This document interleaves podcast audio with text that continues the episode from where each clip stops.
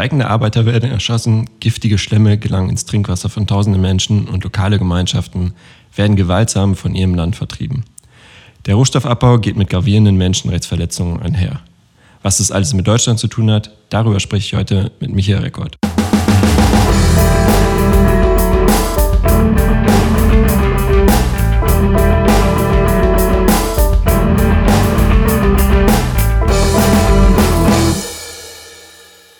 Herzlich willkommen, ich bin Nico Beckert, Pressereferent bei der Berliner NGO PowerShift. Wir arbeiten für eine ökologisch und sozial gerechte Weltwirtschaft. Ich sitze hier mit Michael Rekord, unserem Rohstoffexperten. Hallo Michael. Hallo Nico. In unserer ersten Folge klang das Thema Rohstoff und Menschenrechte schon durch. Ähm, Michael, erklär doch mal, welche Menschenrechtsverletzungen gibt es im Rohstoffsektor? Der Rohstoffsektor ist sehr häufig äh, involviert in Menschenrechtsverletzungen. Ähm, Zahlen von John Ruggie, dem ehemaligen Sonderbeauftragten der UN für Wirtschaft und Menschenrechte, hat sogar gesagt, dass der Rohstoffsektor oder der extraktive Sektor der Industriesektor ist mit den meisten Menschenrechtsverletzungen. Es gibt zum Beispiel die Fälle von Bürgerkriegsfinanzierung oder Finanzierung von Rebellen in einigen Ländern. Es gibt Destabilisierung und Militarisierung von Regionen, wo Rohstoffe abgebaut werden und Proteste niedergeschlagen werden. Wir haben ähm, äh, Morde an Journalistinnen, an Gewerkschaftlerinnen, äh, an ja, lokaler Bevölkerung, die, die, sich gegen Bergbau einsetzt, bei Journalistinnen, die Verbrechen oder Umweltzerstörung äh, oder Korruption aufdecken. Wir haben die Ermordung der streikenden Bergarbeiterin, die du schon eingangs gesagt hast, in Südafrika 2012. Ähm, wir haben die Verletzung indigener Rechte, sei es Partizipationsrechte oder sei es einfach Landrechte. Wir haben Verletzungen der Rechte auf Gesundheit. Bei einigen Rohstoffen treten, äh, beim Abbau äh, Rohstoffe treten radioaktive Verstrahlung auf.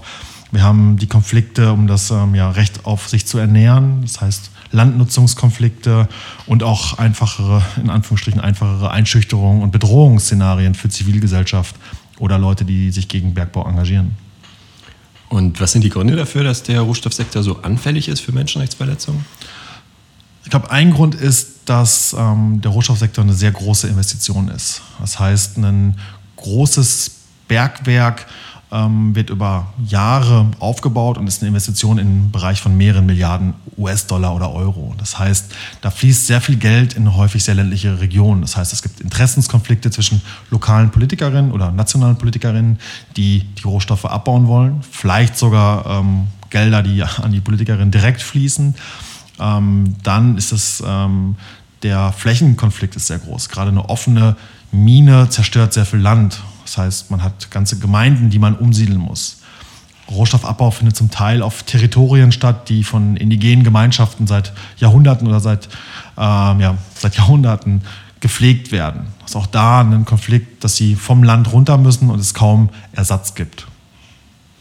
Okay, und was müssten Politik und Unternehmen tun, um die Menschenrechte im Rohstoffsektor besser zu schützen? Zum einen sind natürlich die Länder vor Ort angesprochen. Das heißt, ähm, diese Länder müssen gewähren, dass die Rechte der Menschen vor Ort eingehalten werden.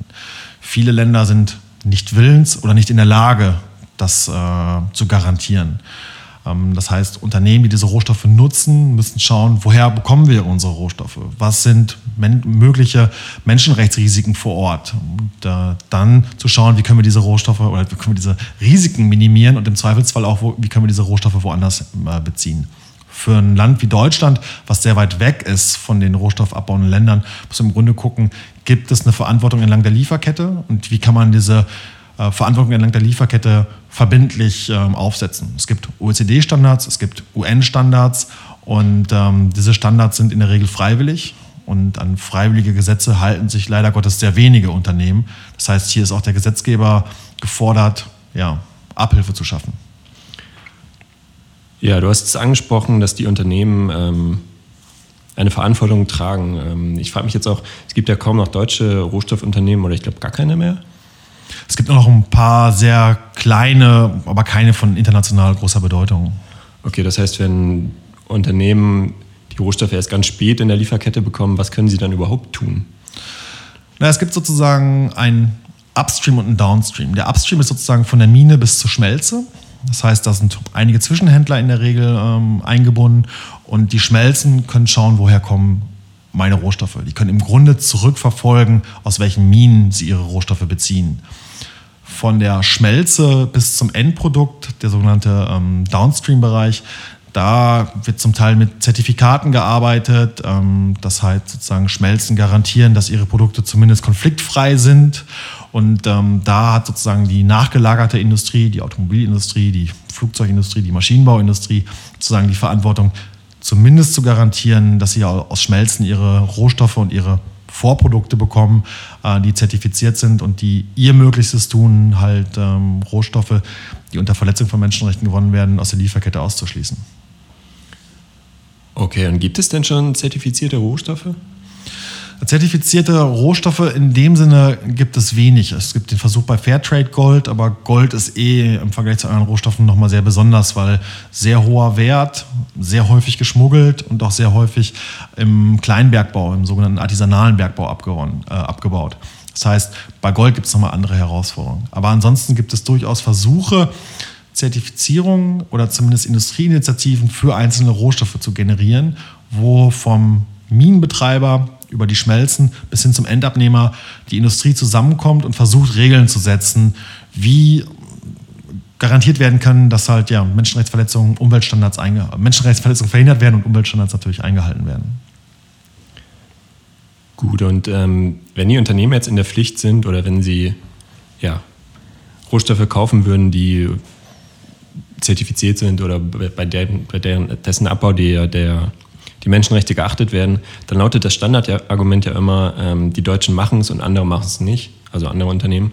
Und dann werden deutsche Unternehmen auf dem äh, Weltmarkt weniger wettbewerbsfähig und die Produkte teurer und so weiter. Ähm, was würdest du dem entgegnen?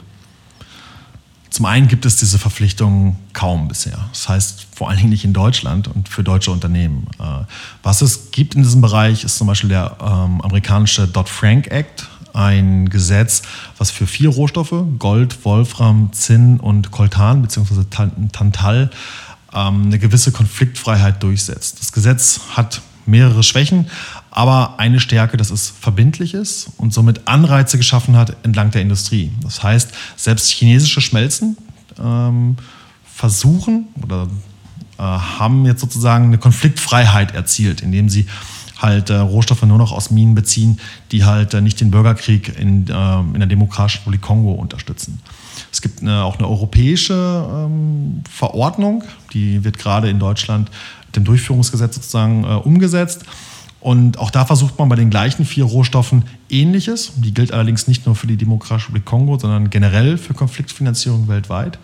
Und das sind sozusagen die ersten Versuche, eine Gesetzgebung äh, ja, zu verabschieden, die Unternehmen verpflichtet. Und wir sehen jetzt schon, dass allein dieser Druck des Gesetzgebers dafür führt, dazu führt, dass viele Unternehmen sich mit dem Thema A beschäftigen, äh, B Schritte unternehmen, das zu minimieren und ähm, C, das Unternehmen, von dem man das bisher nicht möglich gehalten hat, zum Beispiel Automobilhersteller, ähm, ihre Schmelzen auf ihren Webseiten präsentieren und genau zeigen können, was ist konfliktfrei, was ist nicht. Wie gesagt, das umfasst noch nicht ganz Menschenrechtsverletzungen aller, aller Güte, aber es ist ein erster Schritt in die richtige Richtung. Du hast gerade Autohersteller angesprochen. Es gibt ja auch erste einzelne Unternehmen, die sogar Entwicklungsminister Müller dazu aufrufen, ein Lieferkettengesetz zu erlassen. Gleichzeitig wehrt sich der BDI, der Bundesverband der deutschen Industrie, also die Interessenvertretung äh, der gleichen Unternehmen gegen ein solches Lieferkettengesetz. Wie kann das sein? Na, wir sehen, dass ein paar Unternehmen unter öffentlichen Druck geraten. Ähm, die deutsche Automobilindustrie hat zum Beispiel die Elektromobilität völlig verschlafen. Das ist eigentlich eher ein offenes Geheimnis. Und ähm, zuletzt gab es sehr viele Artikel, dass die Rohstoffe, die, für, die wir für die E-Mobilität benötigen, aus Ländern wie der Demokratischen Kongo kommen, oder ähm, aus Ländern wie ähm, ja, Kolumbien, Bolivien, wo jeweils andere Herausforderungen auf die Automobilhersteller warten. Das heißt, durch den, durch den öffentlichen Druck, durch Zeitungsberichte, durch Arbeit von NGOs, ähm, fangen die Automobilindustrie oder fangen die Autounternehmen jetzt an, dem Ganzen nachzugehen. Sozusagen die ersten, die sich bewegen. Ähm, beim BDI und bei anderen Wirtschaftsverbänden sind häufig Unternehmen äh, vernetzt, die nicht einem, im öffentlichen Fokus stehen. Das heißt, da gibt es keinen öffentlichen Druck und da reagiert oder regiert am Ende der Preis. Das heißt, umso günstiger ein Rohstoff ist, umso eher ähm, landet der in der Lieferkette. Und ähm, deswegen sind die Verbände wesentlich langsamer als einige Vorreiter. Und äh, es gibt ja auch schon Lieferkettengesetze oder ähnliche Gesetze in Frankreich und Großbritannien. Ähm, wie wahrscheinlich ist es, dass so ein Lieferkettengesetz auch in Deutschland umgesetzt wird? Denn es steht ja, glaube ich, nicht im Koalitionsvertrag.